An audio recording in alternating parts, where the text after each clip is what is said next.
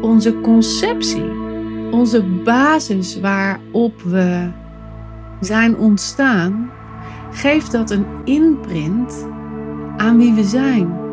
Als jij een volle ja hebt van je moeder en een volle ja hebt van je vader, hoe voedend is dat voor je eigen waarde? Welkom bij de Sensueel Belichaamd Leiderschapspodcast met Janneke Robers. Dit is de podcast voor vrouwelijke coaches en leiders die zichzelf willen bevrijden van eeuwenlange conditioneringen die hen klein houden. En de podcast die je ondersteunt in het ontwaken van je volle vrouwelijke potentieel. Welkom in mijn hoofd, hart en bekken.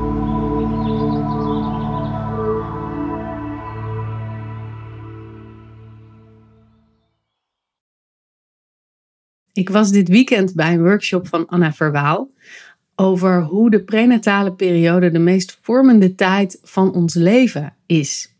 En het was super interessant. En ik deelde op Instagram dat ik daar was.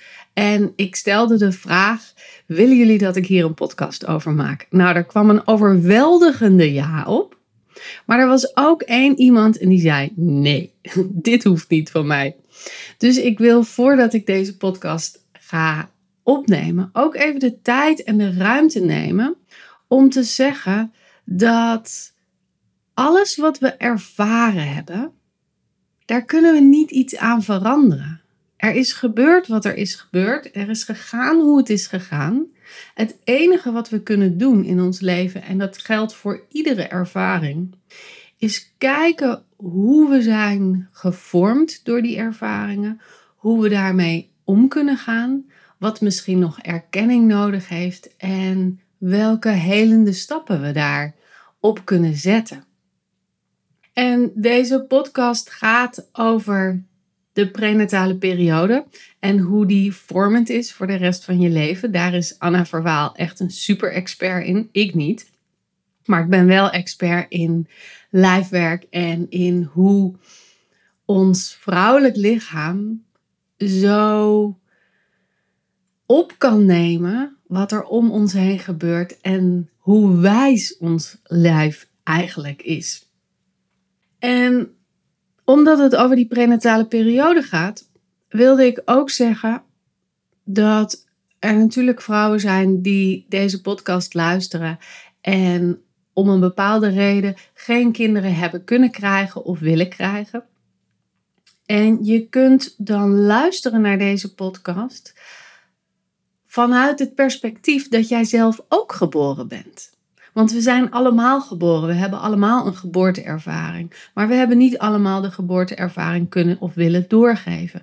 En dat is helemaal oké. Dus we kunnen zowel naar voren kijken als wat we onze kinderen hebben meegegeven, als naar achteren kijken wat wij hebben meegekregen van onze moeders. Of wat onze moeders weer hebben meegekregen van hun moeders. En hoe dat weer doorwerkt op ons leven, op ons werk, in onze relaties. En dan gaat dit ook niet over schuldschuiven, om het zo maar te noemen. We hoeven niet te zeggen: hey, jij hebt die keuze gemaakt of jij hebt dat gedaan en dus nu ben ik zus en zus en zo. Nee, daar gaat het niet over. Het gaat echt over kijken en verwonderen en linken kunnen leggen en nu kunnen snappen wat er nu gaande is. En ook voor coaches en healers en begeleiders vind ik dit echt waanzinnig interessante informatie, omdat we veelal opgeleid zijn met kijken naar wat is er in onze kindertijd gebeurd en hoe heeft dat effect nu op ons leven van onze klanten. En dit hele dit, dit hele veld waarin Anna Verwaal zich bevindt, laat zo zien dat de vraag niet gaat over wat is er in je kindertijd gebeurd, maar wat is daar nog veel verder voor gebeurd. Goed, om even bij het begin te beginnen. Anna is een geboorteconsulente, verpleegkundige, een moeder-kind expert, lactatiedeskundige en ze geeft nu wereldwijd workshops en lezingen over geboortebegeleiding en hoe we dat op een veel gezondere manier kunnen doen, zodat we helere mensen op de wereld brengen. En dat we niet achteraf helend werk hoeven te doen, maar dat we kunnen voorkomen dat we in traumastukken belanden. En dat is natuurlijk een heel, nou, een beetje utopisch beeld. Er is nog heel veel te helen en uh, we moeten nog veel terugkijken. Maar het is belangrijk dat we gaan inzien hoeveel effect geboorte, maar ook de periode daarvoor, heeft op ons leven. En het is boeiend dat er al 40 jaar onderzoek is geweest, maar dat dat nog steeds niet echt doorgecijpeld is tot de wereld van de geboortezorg, maar ook de wereld van helers, begeleiders, traumadeskundigen en iedereen die in dat helende veld zit. Dus als je dit super interessant vindt, ga dan echt de podcast luisteren die Anna Verwaal met Jorn Luca heeft gedaan. Ik zal hem ook even in de show notes zetten, want dat is heel erg inzichtgevend over hoe deze patronen werken. Ze geeft daar ook prachtige voorbeelden bij, die ik zelf hier niet in zal delen, want dat is natuurlijk gewoon haar werk. Maar dat geeft wel echt een super boeiend inkijkje op de linken tussen geboorte en je leven nu.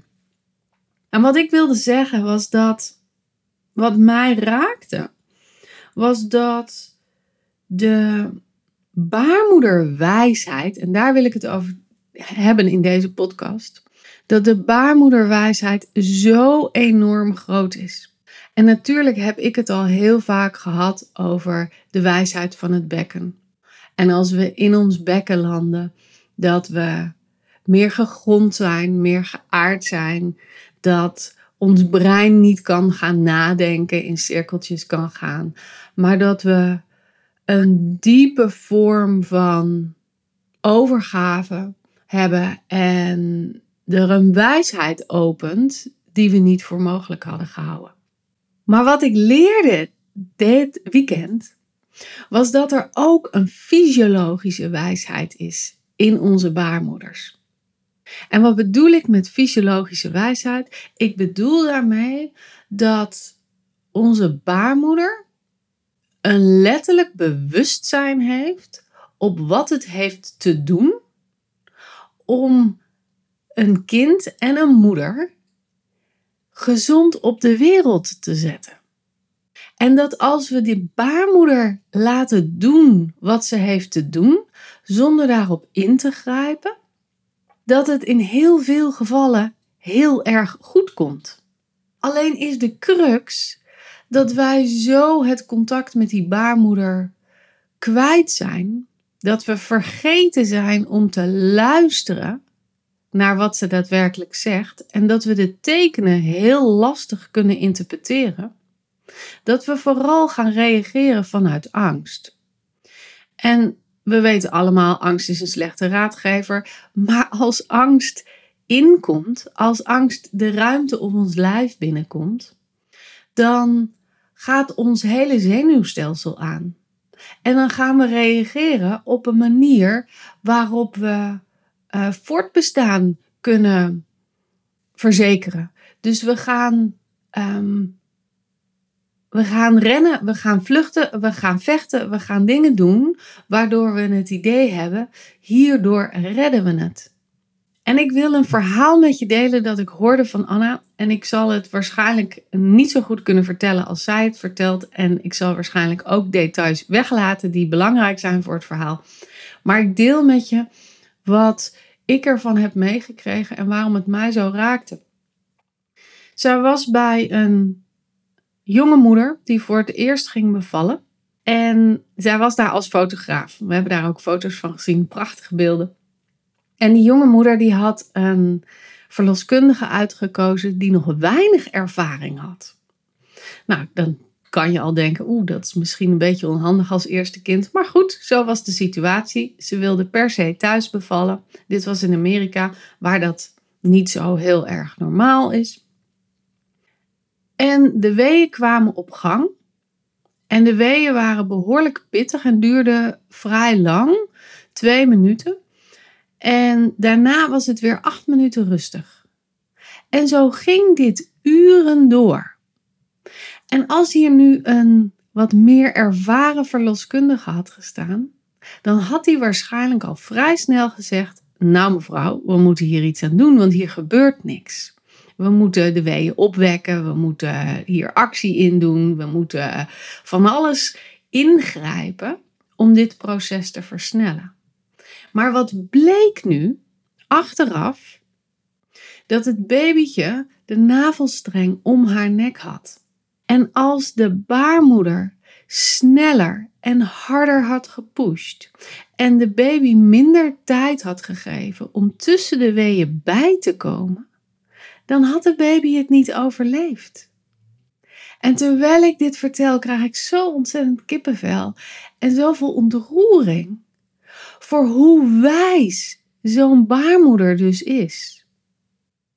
Die weet precies wat ze heeft te doen op een fysiologisch niveau, op een hormonaal niveau, op een lijfelijk niveau.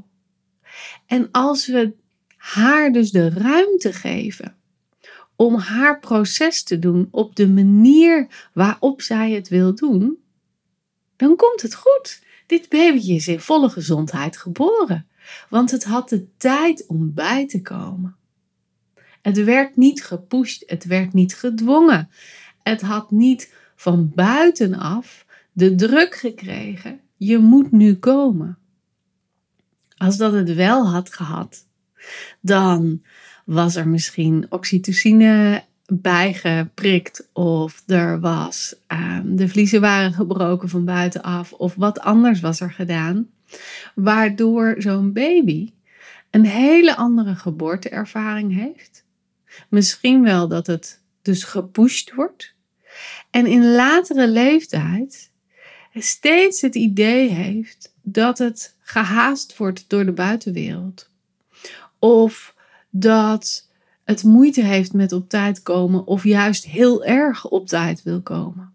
En dus een ding heeft rondom, rondom tijd, rondom afmaken, rondom een eigen ritme kunnen volgen of dat juist niet kunnen volgen.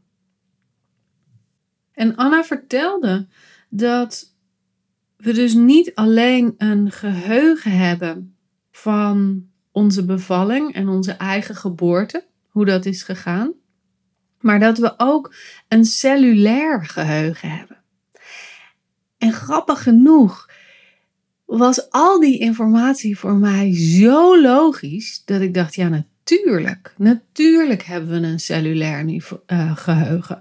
Natuurlijk is onze conceptie, onze basis waarop we zijn ontstaan, geeft dat een imprint aan wie we zijn. Als jij een volle ja hebt van je moeder en een volle ja hebt van je vader, hoe voedend is dat voor je eigen waarde? Maar als jij bij de conceptie al een nee hebt van je vader of een wow, wow, wow, het is nog een beetje te snel van de moeder, ja, wat, wat doet dat dan in je verdere leven? Maar ook de implantatie van een bevruchte eicel in een baarmoeder heeft ook effect. Dat zit al in dat klompje cellen. Er is al bewustzijn in die cellen. Het moment van ontdekking van een vrouw dat ze zwanger is. Hoe reageert ze daarop? Wat zijn de emoties? Wat zijn de omstandigheden? Wat zijn de ervaringen of de relatie tussen papa en mama? Ook die hebben invloed. En die hele prenatale periode natuurlijk. Van ja, dat, dat zijn in die baarmoeder en alles wat je meekrijgt van wat zo'n moeder doormaakt, meemaakt. Wat ze eet, wat ze drinkt, in welke omgeving ze zit, maar ook welke emoties ze meemaakt. Hoe ze tegen zwangerschap aankijkt, hoe ze tegen de toekomstige bevalling aankijkt. Alles heeft effect. En natuurlijk de geboorte zelf, waar ik het net al over had. Dus al die verschillende stadia geven ervaringen door aan een nieuw wezen. Maar om nog even terug te komen naar de wijsheid van die baarmoeder, want dat is waar ik het over wilde hebben in deze aflevering, is dat er ook gebleken is dat baarmoeders reageren perfect op de omgeving waar ze in zitten. Dus op een moment dat een vrouw aan het bevallen is en er gaat iets mis tijdens de bevalling en ze moet naar het ziekenhuis en ze gaat dus in de ambulance vanuit huis, dan stoppen meestal de weeën. Want zo'n baarmoeder voelt: hé, hey, dit is een onveilige plek. Ik moet even stoppen. Ik moet het kind bij me houden, want het is nog niet veilig genoeg om geboren te worden. Of in een oorlogssituatie. Wat je dan krijgt is dat het kind een veel groter zogenaamd reptiele brein meekrijgt. Dat breindeel in ons hoofd wat reageert op angst, op stress, op, op overleven. Dat is, dat is echt gebouwd om ons lijf te laten overleven. Het is niet zo gebouwd om met emoties om te gaan. Nee, het is gebouwd om te rennen of te vluchten of te vechten. Om zomaar de grootste kans op overleven te hebben. En dat, dat zorgt, daar zorgt een baarmoeder dus voor. Of bijvoorbeeld dat je vader nog niet thuis is, maar de weeën zijn wel begonnen. En dan weet die baarmoeder, oh, ik moet dit kind nog even binnenhouden. Ik moet nog even wachten totdat papa thuis is. En tot dit kind in mij ontvangen kan worden door twee ouders. Nou, magisch toch? En nog een ander mooi voorbeeld, wat ik je ook nog mee wil geven, is dat. Ik weet niet precies hoe het verhaal was. Daarvoor moet je echt naar Anna gaan. Maar wat ik wel nog weet, is dat ze vertelde over een placenta die op een bepaalde plek was ontwikkeld in de baarmoeder, waar nog iets te helen was voor de moeder zelf. En op het moment dat die moeder ging kijken naar haar eigen imprints, naar wat zij had meegekregen van haar geboorte, van haar moeder, van haar oma, schoof die placenta naar een andere plek en was er meer ruimte voor het kind om op een gezonde manier geboren te worden. Nou, dat is toch fenomenaal.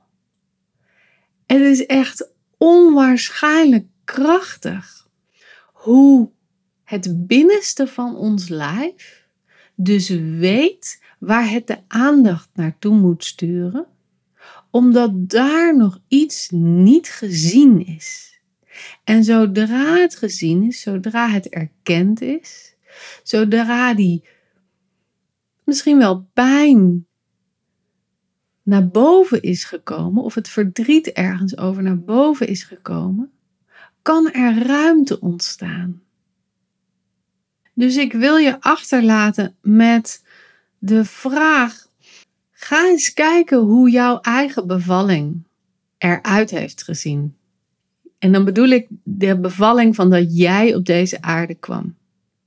En wat heeft daarin zo'n impact op jou gemaakt, dat nog steeds terug te zien is in de manier waarop je in je werk staat, de manier waarop je verbinding maakt met mensen, de manier waarop je wel of geen stappen zet in deze wereld. Of de manier waarop jouw eigen waarde zich laat zien in deze wereld. Misschien wel hoe je jezelf laat zien in deze wereld. Dus ga eens terug, ga eens kijken, ga eens voelen hoe dat nog impact heeft.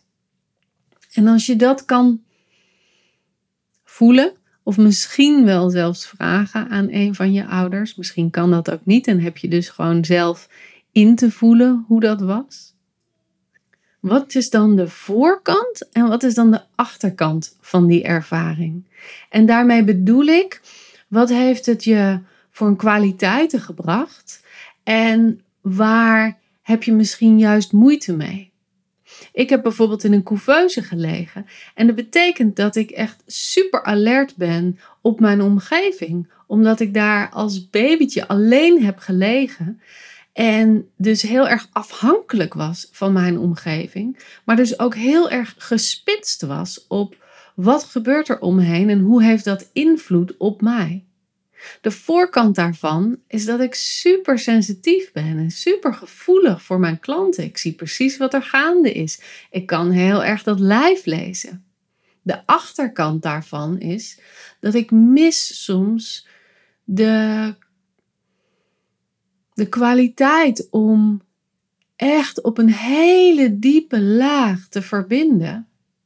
Omdat ik in die eerste paar uren zo de contact, het lijfelijk contact heb gemist. Dus ook geen wonder dat ik dit werk doe, dit lichaamsgerichte werk waarin ik verbinding aanbreng. Het is steeds weer een heling van mijn eigen oude patroon. Maar als we dat weten van onszelf, als we weten waarom we voor bepaalde beroepen hebben gekozen, of waarom we voor bepaalde relaties hebben gekozen, omdat dat voortkomt uit iets heel ouds en heel prematuurs, dan kunnen we er weer met zachtere ogen naar kijken en kunnen we weer voelen: oh ja, dus daarom doe ik dit werk. En daarom ben ik hier ook heel erg goed in. En kan ik weer vanuit vrijheid kiezen of ik dat daadwerkelijk wil doen. En voor mij is dat een volle ja. Of dat ik dit doe uit een stuk moeten misschien wel. Of het kan niet anders. Of ja, bijvoorbeeld dat je, dat je in de geboortezorg bent gaan werken omdat je zelf zo'n slechte geboorteervaring hebt. En dan is het mooi dat je kunt helpen en ondersteunen om iets moois voor een ander te doen. Maar als je dat steeds doet om op een onbewuste laag je eigen proces te helen, dan zit je er nog met een gekke gedachte in. Dus heel dan eerst je eigen proces en word dan weer vrij in het bijstaan van andere mensen. Dat is ook waarom ik zelf nog zoveel training en workshop volg. Omdat ik steeds dieper wil zakken in mijn eigen proces, zodat ik veel meer ruimte heb voor mijn eigen klanten om ze te begeleiden bij hun proces zodat ik daar niet in zit met mijn eigen oudjes en mijn eigen gemis en mijn eigen pijn. Ik merk dat ik nog ontzettend veel wil delen over dit thema, maar we zijn al nou, zo'n 20 minuten aan de gang. Dus ik wil je achterlaten met de zin: je lijf faalt niet. Het doet precies wat nodig is. Alleen de vraag is: kun jij de tekenen lezen? Kun je horen wat je lijf zegt? En als je het nog niet kunt horen, wat heb je dan te doen om wel te kunnen luisteren, zodat je de informatie die je lijf je wil vertellen, de wijsheid die je lijf je wil vertellen en de veiligheid die je lijf je wil geven, ook daadwerkelijk kan aannemen. Ik ben heel benieuwd wat deze aflevering voor je opent. Wat er voor informatie misschien wel uit je lijf naar boven komt. En als je dat wilt delen met me, dan, uh, nou, dan staat mijn DM voor je vrij en open. Dus stuur me gerust een berichtje op Instagram of LinkedIn. En uh, ja, voor nu wens ik je een heerlijke dag. Kijk even in de show notes naar de podcast van Anna en ga die luisteren, want dat is echt een super, super aanrader. En dan uh, hoop ik je daarna weer terug te zien bij mijn podcast. Doei doei!